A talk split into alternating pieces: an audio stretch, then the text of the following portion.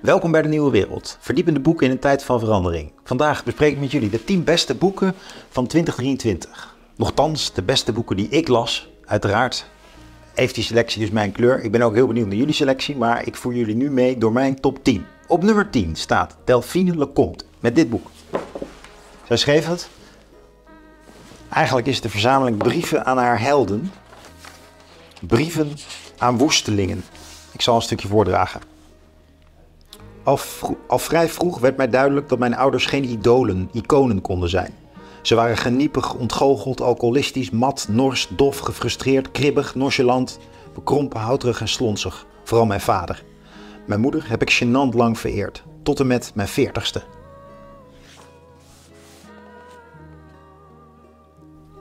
Ik heb het graag wanneer mijn helden fouten maken, zichzelf saboteren of vergalopperen.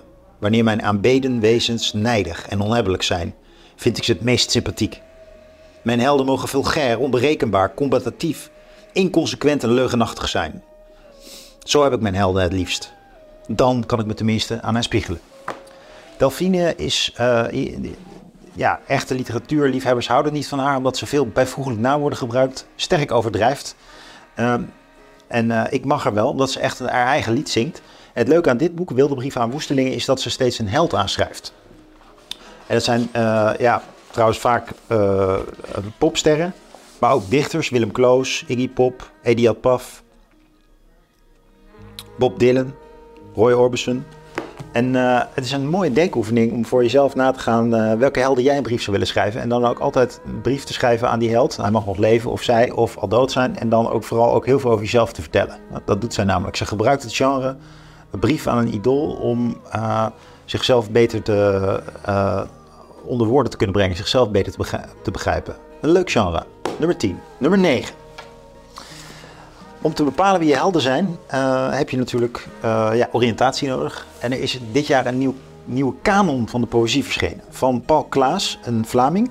Kanon van de Nederlandse poëzie. Een fantastisch boek. Nummer 9. Een paar citaten.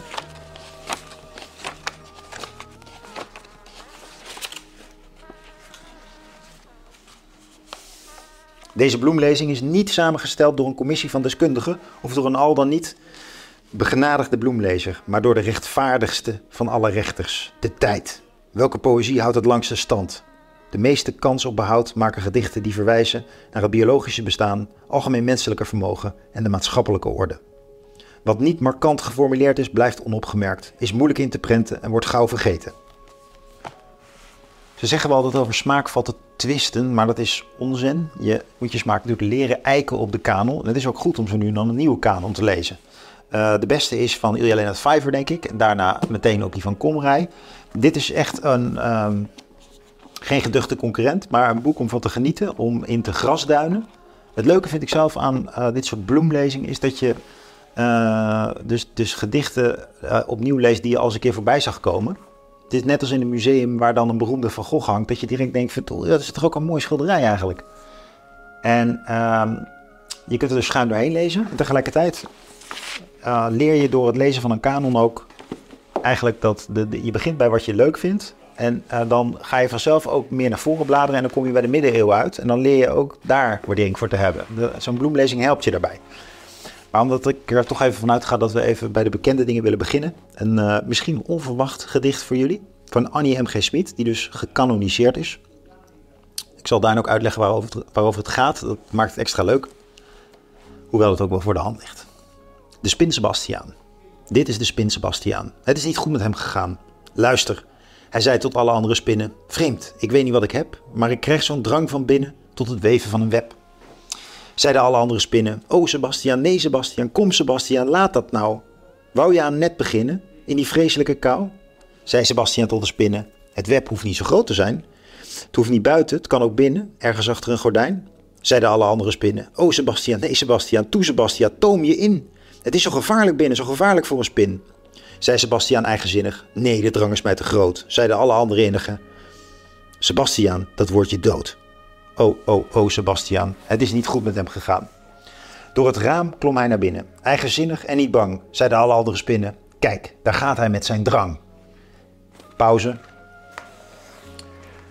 Na een, pijsje, na een poosje werd toen even dit bericht doorgegeven. Binnen werd een moord gepleegd. Sebastiaan is opgeveegd. Ja, waar gaat het gedicht nou over? Ehm, in deze bloemlezing zijn kleine commentaartjes opgegeven. Dit kende versje is een dierenfabel. De al te stoutmoedige spin Sebastiaan sterft ondanks de waarschuwingen van zijn omgeving. Een expliciete boodschap ontbreekt. Volgens een diergedicht quiz in NRC, nou dan weet je het al, bezint eer begint. Maar de eigenlijke interpretatie van Klaas, veel beter. Het gedicht stelt het luchtige thema ons tragisch, eh, stelt op luchtige wijze ons een tragisch dilemma voor. Ga je ondanks het gevaar voor je ideaal of kies je voor een risicoloos maar ongeïnspireerd bestaan? Dus dit kleine kinderversje gaat mooi wel over het grote Faustische thema dat je kent van de echte dichters, bijvoorbeeld Goethe. Ja. Sterb und werde. Um, ga je echt ergens voor? Heb je de drang om iets te maken en risico's te nemen? Ben je een ondernemer of een filosoof die zelf gedachten durft te ontwikkelen? Ondanks dat anderen ze misschien tegen zullen spreken. Of ben je gewoon een loveback die zijn volgende subsidieaanvraag wil incasseren? Nou, dit gedicht gaat over de echte Sebastianen. Dus prachtig. Die bundel is geweldig. Score hem als je van poëzie houdt. Oké, dan gaan we door. Ik dacht dat ik. Ehm, ik zit nu bij nummer 7. ik moet even goed nadenken wat er bij nummer 7 stond. Dat was Radeloze Helden. Van Maaike Meijer. Ja, ook een geweldig boek. Dat gaat over mannen. En uh, wat nou eigenlijk de, de, pijn van mannen is. Nou, volgens haar uh, lopen mannen maar rond met een, uh, met een vervreemdend gevoel en frustratie. En heeft dat iets te maken met dat ze overschat worden door zichzelf en onze cultuur? Nou, daar ben ik het en jullie hopelijk ook eigenlijk helemaal niet mee eens. Mannen hebben een rechtmatige plek in de kosmos. En het is helemaal niet zo dat, dat mannelijkheid problematisch zou moeten zijn. Dus leef je lekker uit, wel op een nette manier. Maar in dit boek loopt ze toch zoveel goede literatuur en films door. Waaronder The Power of the Dog en The Big Lebowski. Dat je toch wel echt verrast bent. En het stemt enorm tot nadenken. juist ook wat het, ja, wat het nou eigenlijk is. hoe we mensen zijn en man. Dus aanrader. Nummer 7. Nummer 6. Uh, eh, Norbert Botz. Ja, het is een Duitse X'er. Die ken je misschien wel. Die schrijft altijd hele leuke, cynische tweets. Maar eigenlijk nog steeds geen naam hè, voor tweets. X, kruisjes misschien. Hij, schrijft, hij kruist lekker. ja, moeilijk om iets zomaar de, de, de, erbij te pakken bij hem. Nou, hij is echt een, een, een filosoof, sociaal criticus uit de, ja, uit de conservatieve traditie. Wat hij eigenlijk probeert te doen is zeggen van uh, normaliteit is belangrijk, zowel in de betekenis als uh, doen we normaal, als in de betekenis van beschaafd willen zijn. En uh, tegenwoordig wil iedereen anders zijn en divers. En diversiteit terug is het nieuwe normaal. En hij neemt het eigenlijk op voor, voor de traditie. Dus hij, hij, hij is ook van de kanon. En hij schrijft heerlijk, cynisch, filijn, boos. de uiterwijze man, mooie dubbelzinnige titel. En, uh, dus, dus lees dat ook als je Duits kunt. Oké, dan zit ik bij uh, nummer 6. Even kijken, had ik deze geselecteerd? Ook een typisch mannenboek, Chris Miller, Chip, Chip War. Is trouwens een boek uit 2022 ehm, zag ik, dus ik zoemel hier een klein beetje. Uh, maar dit was wel echt geopolitiek gesproken genieten. Dit boek laat zien hoe belangrijk ASML eigenlijk is dat wij in Nederland echt een, een knooppunt zijn in een netwerk van de, uh, van de, van de toekomstige uh, economie. Dat Taiwan uh, een, een land is of een, een Chinese provincie tussen uh, het oosten en het westen in. En dat Nederland met ASML eigenlijk wel best wel vergelijkbaar is met, uh, met, met, met Taiwan. Een van de knooppunten in het grote uh, moderne kapitalistische netwerk. in het geval dat het tot een, tot een conflict komt tussen twee grootmachten, China en Amerika. Ja, zou Taiwan kop van jut kunnen zijn vanwege de chipfabrieken daar. Maar Nederland is daar veel dieper mee vervlochten dan ik had gedacht. Dus het was best schrikken dit boek te lezen. Je vliegt er doorheen. Uh, ook hij zit veel podcasts, dus check it out, Chipwar. Dan heb ik nog, toch nog vijf boeken over. Ehm, Maarten Huigen heeft een boek geschreven over het Nederlandse onderwijssysteem. Ik wist eigenlijk al dat het niet klopt, ons onderwijssysteem. Dat we veel te veel met doe-het-zelf kennis werken. Te weinig gericht zijn op traditioneel uh, kennis memoriseren, wiskunde oefenen. En veel te veel studenten en leerlingen laten ronddolen in hun eigen ambities. zogenaamd leerlinggericht werken en ondertussen leerlingen aan zichzelf overlaten. Dit boek zet heel mooi op een rij in een prachtige, beknopte, vlotte taal. Dat dit nieuwe wetsidee van leren, waarbij de leerling vooral zelf dingen uitzoekt, dat dat eigenlijk al achterhaald is. Dat er honderd jaar geleden al mee werd geëxperimenteerd in Amerika. Dat verschillende landen er bijna mee op de fles zijn gegaan, inclusief Finland en Frankrijk. En dat het echt tijd is voor een uh, revolte van onderwijskwaliteit. Hij, hij, hij, beschrijft dat heel beschaafd, met, met, talloze voorbeelden en interviews. Geweldig boek. Dank voor dit boek, Maarten. Lees het als je in het onderwijs werkt of uh, als je kinderen uh, bijvoorbeeld voor een middelbare school moeten kiezen. Maar het gaat ook al over het basisonderwijs. Oké, okay, dan gaan we door. Jeroen van Bergijk, een onderzoeksjournalist. Dit is werkelijk een geweldig goed boek. Dit is het beste bedrijfsethiekboek uit 2023. Verreweg het beste bedrijfsethiekboek uit 2023. Jeroen van Bergijk die verzamelt zijn stukken die hij schreef, onder andere voor de Volkskrant. Over zijn undercoverwerk bij Uber, bij uh, een distributiecentrum van bol.com als verkeersleider uh, bij een, um, callcenter van Wekamp. En hij beschrijft heel goed welke morele problemen er opkomen in de relatie tussen medewerkers, tussen medewerker en baas, tussen medewerker en, en algoritme. En uh, het is een hele rijke casuïstiek.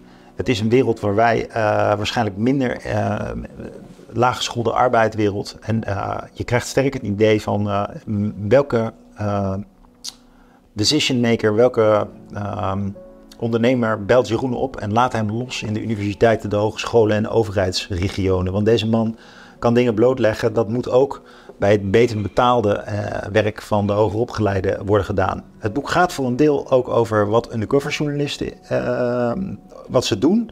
En hij, hij, hij, deelt veel van zijn morele twijfels over zijn werk, omdat hij toch ook voor een deel uh, liegt, maar wel voor de waarheid. En ja, ik, vind, ik vond het echt een heel mooi boek. Ik heb er zelfs college uitgegeven. Jeroen van Bergijk, uh, Undercover aan het werk. Dan kom ik nu bij de top drie. Ja, dat zijn toch de boeken waar ik het meest van heb genoten. Die het diepste raken. En uh, op nummer drie staat Nietzsche. Een vertaling van al zijn poëzie. het is heel mooi dat Nietzsche een filosoof was. Maar daarna schreef hij dus prachtige gedichten. En dat is toch wel echt, dat is toch wel echt heel bijzonder. Hè, dat hij dat daarnaast gewoon deed. Scherp en mild, grof en fijn, vertrouwd en vreemd, bevlekt en rein, voor wijs en dwaas ontmoetingsplein, dat alles ben ik, wil ik zijn. Duif zowel als slang en zwijn. Scharf und milde, grob und fein, vertraut und seltsam, schmutzig und rein, der Narren und Weisen stell dich ein, dies alles bin ich, will ich sein, Taube zugleich, Schlange und Schwein. Fantastisch, dat moet je zo kon. Ja, Ad, je staat op nummer twee met dit boek, De Gezagscrisis. Um, we hebben het hier heel vaak besproken in de Nieuwe Wereld. Het is ook een, ik heb natuurlijk meegemaakt hoe het is ontstaan. En ik heb ook uh, al in gelezen en commentaar op gegeven. Uh, hopelijk geholpen het goede richting uh, op te sturen. Het is, het, is echt een indrukwekkend boek. Ik, ik zal er één ding over zeggen waarom ik het goed vind. Ad kan hardop denken. Als je dit leest, dan voel je gewoon het levendige denken. Dit zijn geen gedachten die opgeschreven zijn. Dit zijn gedachten die voltrokken worden ja, lees dit boek om te, om te denken, om mee te denken, om meegezogen te worden in de, in de adembenemende wijkrijten van, van het hoofd van Ad. Het is echt ongelooflijk. Historisch, filosofisch, cultureel, psychologisch. Het, is, het, het, het, het zuigt je naar binnen. Het is, het is, het is zo levendig. En het leuke is, Ad heeft natuurlijk een heel specifiek accent... waar sommige mensen niet tegen kunnen en anderen helemaal dol op zijn. Maar dat accent heeft hij, zit niet in het boek. Dus het is ook eens een andere manier om zijn gedachtenwereld tot je te nemen. Ja? Dus de gezagscrisis op nummer 2. Dan kom ik nu op nummer 1. Tada! Dat is natuurlijk Byung-Chul Han. Ja? Vita Act Contemplativa. Kijk hoe dun het boekje is. Gaat onmiddellijk kopen. We hebben het zelf uitgegeven. We hebben het niet voor niks uitgegeven. Het is echt een geweldig filosofieboek. Het is een geweldig filosofieboek. Het is ook een beetje kool op mijn molen, geef ik gif toe. Wij, de actievelingen, lezen nauwelijks nog gedichten. Het verlies van het contemplatieve vermogen heeft negatieve gevolgen voor onze houding, voor onze verhouding tot de taal. Bedwelmd door de informatie- en communicatieroes verwijderen we ons van de dichtkunst als contemplatie van de taal en beginnen die zelfs te haten.